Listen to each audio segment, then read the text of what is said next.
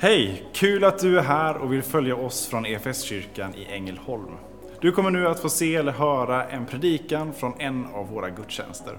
Har du några frågor eller vill veta mer om oss som kyrka så kan du alltid gå in på www.efskyrkan.info. Vill du ha tillgång till mer undervisning eller ta del av våra inspelade konferenser eller gudstjänster gå gärna in på vår Play-kanal, efskyrkan.tv. Nu ska vi lyssna på denna veckas predikan. Löftena står kvar, men församlingen fick sätta sig ner. Det var väl nådefullt. Vi tror på en Gud som är densamme igår och idag och i evighet. Och det gäller också själva tron. Tron är någonting levande. Det är inte en idé eller en flyktig trend, utan det är någonting som kommer av Gud, som är någonting han ger. Eh, sången vi sjöng den ger också det perspektivet att vi tror på löften som har getts en gång och vi ser att de löftena de bär idag, samtidigt så ger de löftena också hopp och längtan inför framtiden. Och det återkommer gång på gång genom Bibeln så, så finns det här. Historiens Gud, vårt ursprung. Det är det vi tar fasta på, det är det som, som gör att vi lever, finns, rör oss och är till. Det är också den Gud som vill tala till oss här och nu. Som vill möta varje människa. Och det är den Gud som är hela tillvaron som vi ser fram emot. Hans fullhet. Hans strålglans, Jesus strålglans är så stark i himlen så att vi behöver inte ens solen.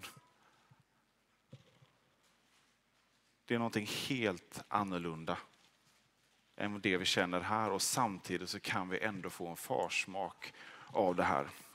Utmaningen att förmedla det här har Guds profeter genom Bibeln. Att tala om det här stora och fantastiska och samtidigt fruktansvärda. Och så ska det ändå landa i en vanlig enkel människa. För två och ett halvt tusen år sedan eller här och nu. Vi har, eh, för att vi ska få tag i det här, så har vi tagit oss an tolv stycken av de här profeterna. Småprofeterna brukar de kallas. Och vi är nu inne på slutspurten i den här serien. Vi har delat upp den i några omgångar och nu är det på tredje och sista omgången. Mange får finalen om en vecka med Malaki. Men nu är det Sakarja som vi ska få ta oss an. Inte så liten småprofet, det är ganska många kapitel eh, upptäckte jag när jag skulle förbereda. Och det blir inte läsning av hela boken idag, eh, utan ni får nöja er med att vi gör några nedslag. Eh, och man kan ha med sig predikan från förra veckan om man har den. Och gjorde man inte det så kan man få ta sig an den på nätet sen, för de ligger nära varandra, inte bara i innehåll utan också i tid. Haggai som eh, vi hörde om förra söndagen och Sakarja, de är samtida. Eh, I princip på månaden. Liksom. Det är eh, helt och hållet samtidigt som de talar till folket. Men har fått olika saker på sitt hjärta. Gud talar till oss på olika sätt. Jag tror bara det är också ett vittnesbörd om hur vi kan få saker på vårt hjärta och vi kan också få gåvor och egenskaper. Eh, och känna så starkt för det så att vi tänker att det här är angeläget, det måste alla höra. Och så kan det vara. Och samtidigt så finns det också andra saker som behöver talas eh, och andra gåvor som också kommer till uttryck. Så vi behöver också i vår iver och det vi har fått på vår lott att dela vara ödmjuka inför det som andra delar med oss. Så talar Guds folk och Guds kyrka med en röst men i ett stort ackord. Så Hagai har fått tala om rätt tillbedjan, skulle man kunna säga. Alltså platsen. Templet måste få, få vara tempel och få vara en plats där Gud möter sitt folk. Och så kommer Sakarja och talar om, eh, skulle man kunna säga, det som ligger utanför templet. I templet där möter vi Gud och vi får ett möte med, med honom som förvandlar oss. Men vad, vad med resten av livet? Vittnesbadet som Guds folk ger ut i världen. Lever vi ett rätt liv inför Gud och inför människor? ett trovärdigt liv. Och vi slår upp och läser det absolut första som Sakarja har fått på sin lott att tala till, till folket. I kapitel 1 och vers 2 framåt. Herren var vred på era fäder. Säg därför till folket, så säger Herren Sebaot, vänd om till mig, säger Herren Sebaot. Så ska jag vända om till er, säger Herren Sebaot. Var inte som era fäder. För de predikade forna tiders profeter och sa, så säger Herren Sebaot, vänd nu om från era onda vägar och era onda gärningar. Men de lyssnade inte och brydde sig inte om mig, säger Herren.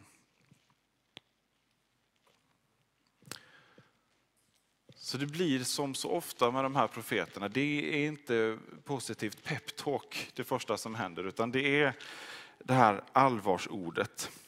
Det börjar bra. Herren var vred på era fäder. Ja, det, det kan vi ju alla vara. Eh, och, och så där, skönt, det, det liksom blåste förbi.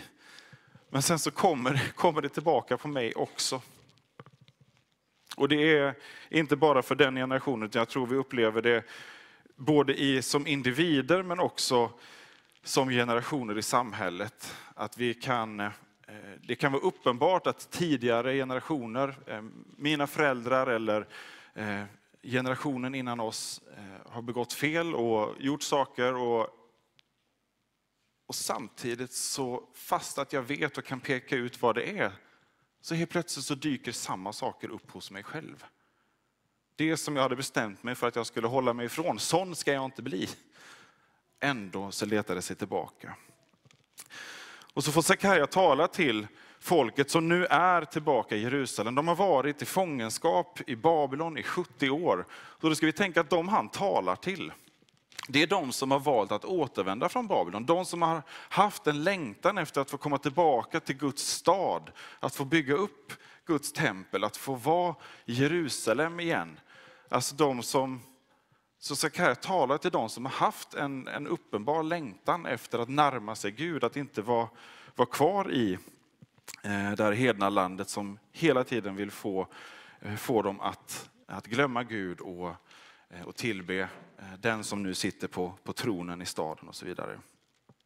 De har gjort flytten. De har tagit sig tillbaka till Jerusalem.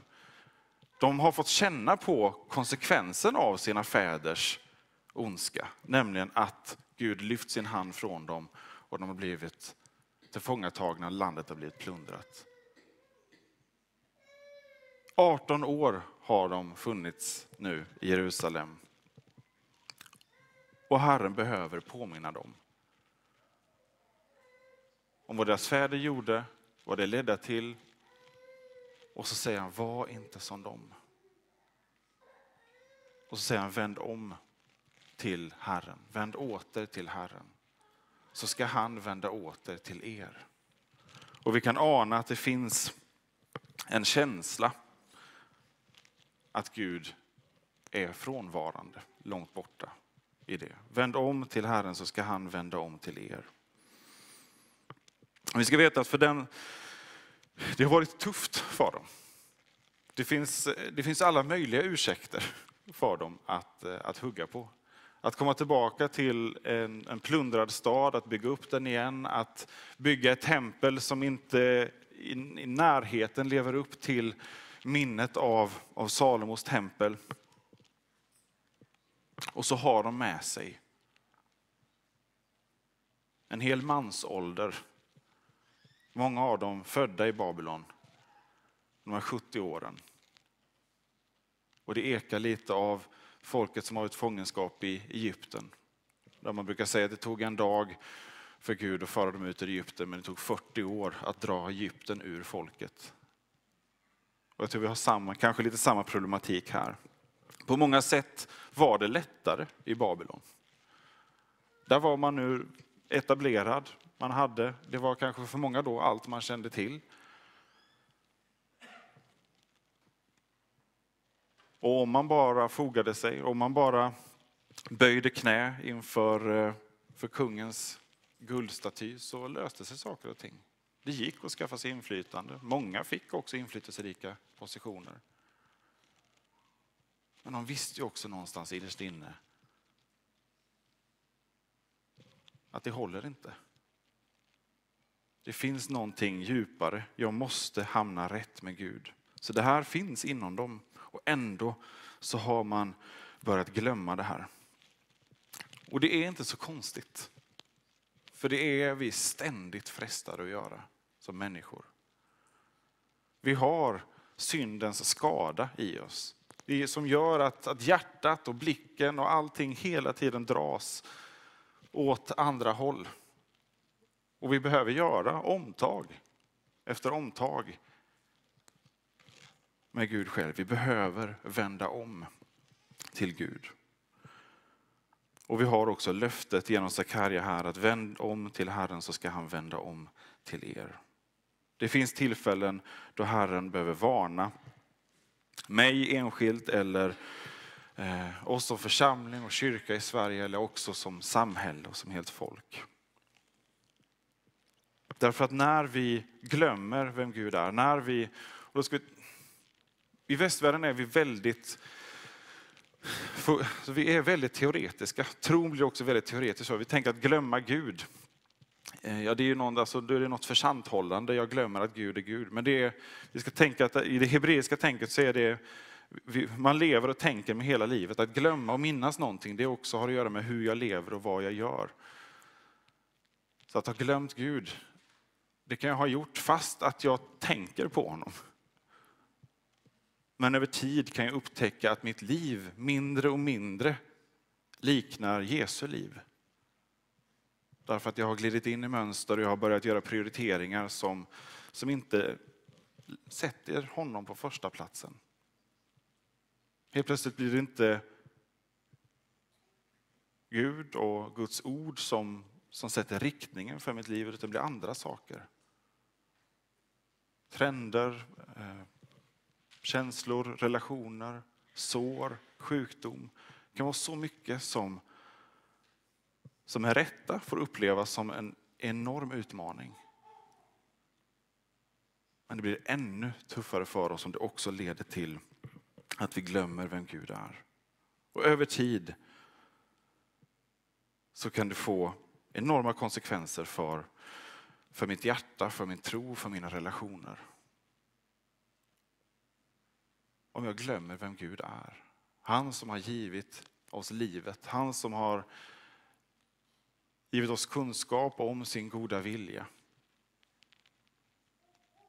Och jag tror att vi kan se att det är vad som händer i, i vår tid och i vårt samhälle, i västvärlden. Där det har varit så tydligt präglat av bibliska värderingar och som har lett fram till demokrati och annat och nu så är allting sånt här i skakning. Det, vi kan inte skilja det från att vi också glömmer vem Gud är. Vi kan hålla det för sant på något teoretiskt plan att vi har judisk-kristna värderingar eller vi har västerländska värderingar som vi vill hålla fast vid. Men vi har glömt livet med Gud som är motorn i det här.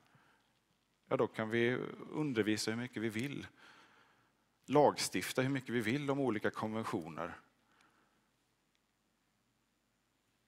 Men om vi inte lever med Gud som ursprunget och som målet för det här, då blir det bara i vår egen kraft. Och det kommer inte att hålla.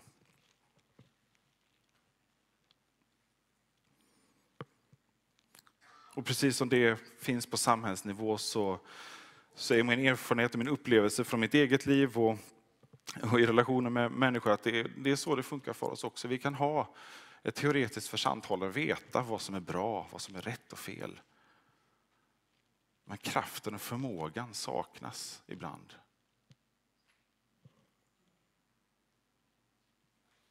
När inte Gud själv får vara drivkraften och styrkan i det. Utan det blir vårt eget projekt, våra egna nyårslöften eller saker vi gör för att, att ta oss i kragen. Och så får Sakarja den här varningen. Han får, eh, får en serie drömmar och syner som, eh, som både tar fasta på det som har varit och hur tillståndet är nu och, och det som ska komma. Och så får han eh, också eh, ett tilltal i klarspråk i kapitel 7, vers 9 eh, och framåt. Så säger Herren Sebaot. Döm rätta domar och visa varandra godhet och barmhärtighet. Förtryck inte änkan och den faderlöse, främlingen och den fattige och tänk inte ut ont mot varandra i era hjärtan. Men de vill inte lyssna på detta, utan var upproriska och stängde sina öron så att de inte hörde. De gjorde sina hjärtan hårda som diamant så att de inte hörde den undervisning och de ord som Herren Sebot genom sin ande hade sänt genom forna tiders profeter. Därför kom stor vrede från Herren Sebaot.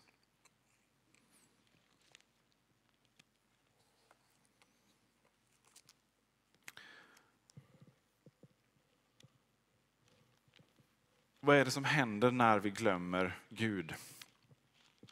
När vi glömmer Gud eller eh, aktivt gör oss av med honom. Det kan vara utifrån någon eh, eh, tanke om att vi inte ska vara slavar under någon, utan jag ska vara självständig och fri. Men det som händer är att det alltid uppstår andra gudar.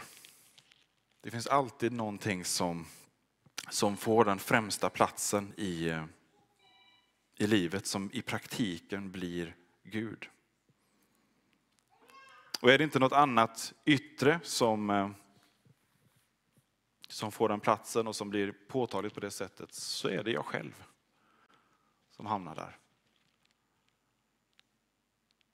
Jag själv blir Gud i mitt liv. Och det kan upplevas eh, kanske som en befrielse i, till en början. Men vi kommer märka över tid att jag är inte skapad för att vara Gud. Inte nog med förväntningarna som kommer utifrån i alla relationer jag står i, alla ansvar och sådär, men, men inte minst i förhållande till att hantera mitt eget liv. Jag vet inte, du kanske är superbra på att hantera ditt liv, men jag är inte det. Gång på gång så måste jag möta mina svagheter, enorma svagheter.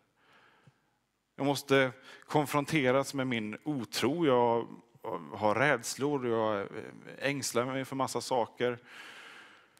Så kan man tänka att man, man vet hur man borde tänka om människor.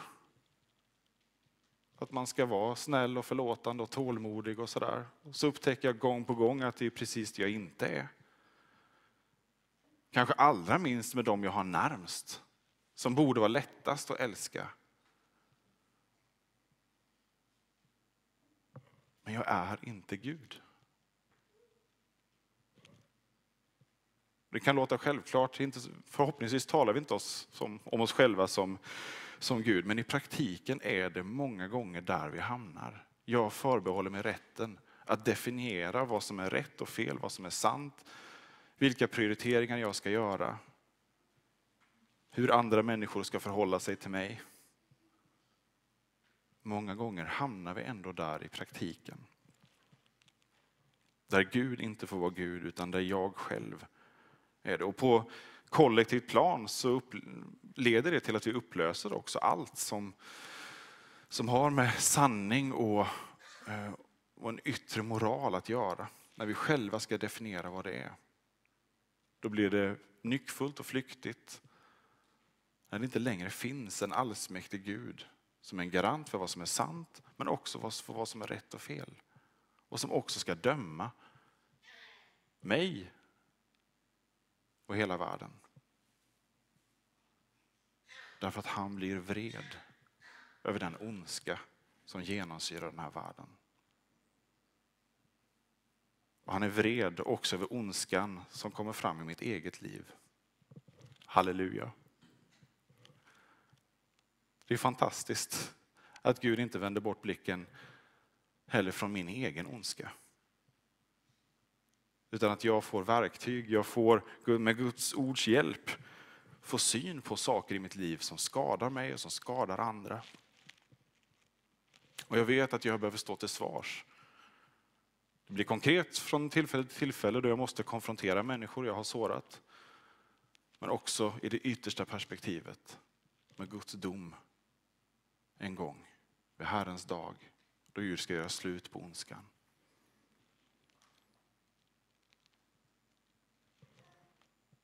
Ja, så känns det ändå inte riktigt som evangelium. Guds dom. Vi kommer till det. Därför att om vi vänder om så vänder Gud om till oss. Då kan vi tycka, är inte det att börja i fel ände? Ska vi, ska vi börja, kommer det an på mig? Nej, det är för att Gud har redan börjat. Gud söker hela tiden sitt folk och hela tiden sin skapelse.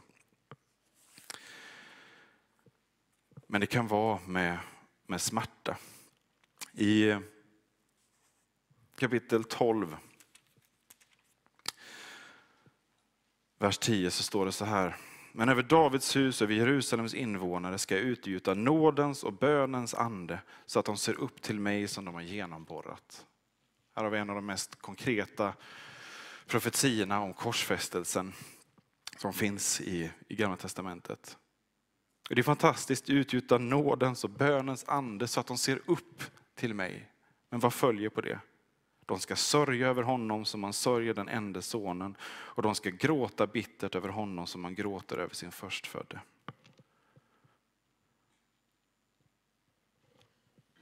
Det finns fantastisk nåd därför att det finns en som har tagit Guds dom på sig. Vi behöver inte drabbas av Guds dom för vår egen ondska, för vår synd. Både det som vi vet är fel och det som vi ännu inte har upptäckt.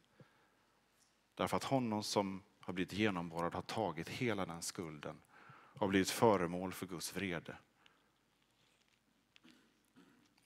Men att komma dit, till den insikten och att överlämna det jag har kan vara nog så smärtsamt och kan också få väcka sorg.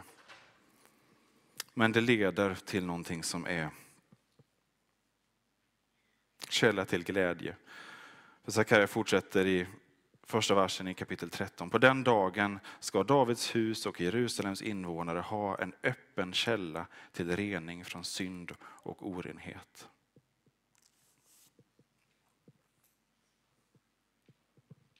Gud är den som har förekommit oss långt innan människan ens funderat på om livet utan Gud skulle kunna vara lite skakigt, så har Gud förberett en väg. Så har Gud längtat, talat genom profeterna om den stora, den stora vägen tillbaka, korsets väg.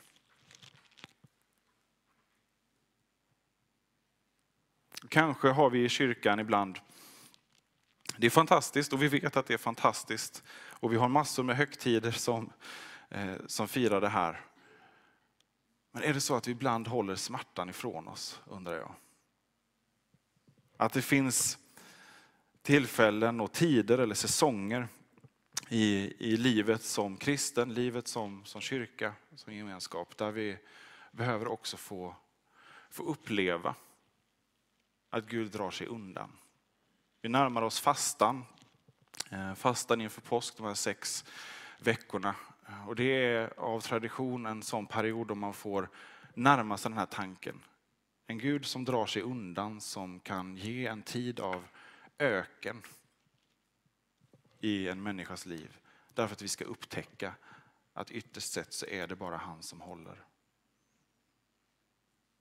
Så att vi kommer till den punkten.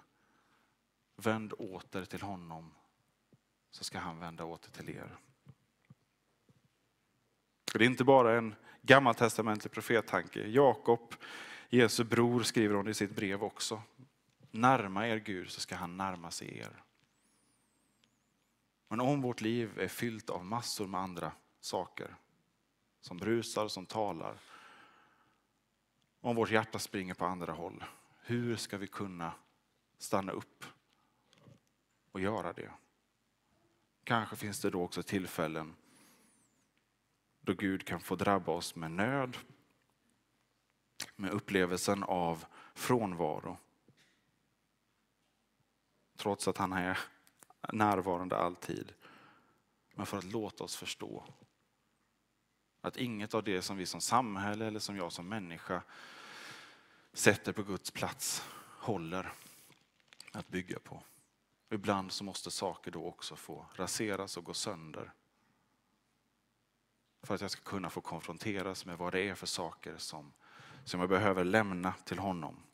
För att han ska få vara Gud. Så att hans liv är det som får prägla mig. Så att jag kan få, få se fram emot och gå på en väg där mitt liv inte blir mindre och mindre likt Jesus Kristus utan istället mer och mer likt. Där mitt hjärta inte oroar sig för sprickor i husgrunden dygnet runt. Utan istället oroar sig för de människor som lider runt omkring mig.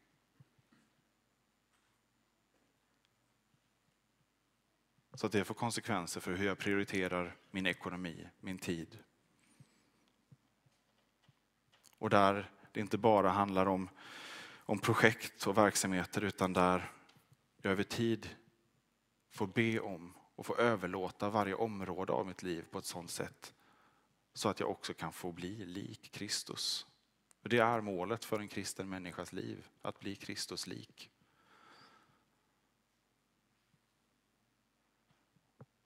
Och så får vi vila i det, att den Kristuslikheten kommer av att han framför allt är mycket mån om att få vara i våra liv.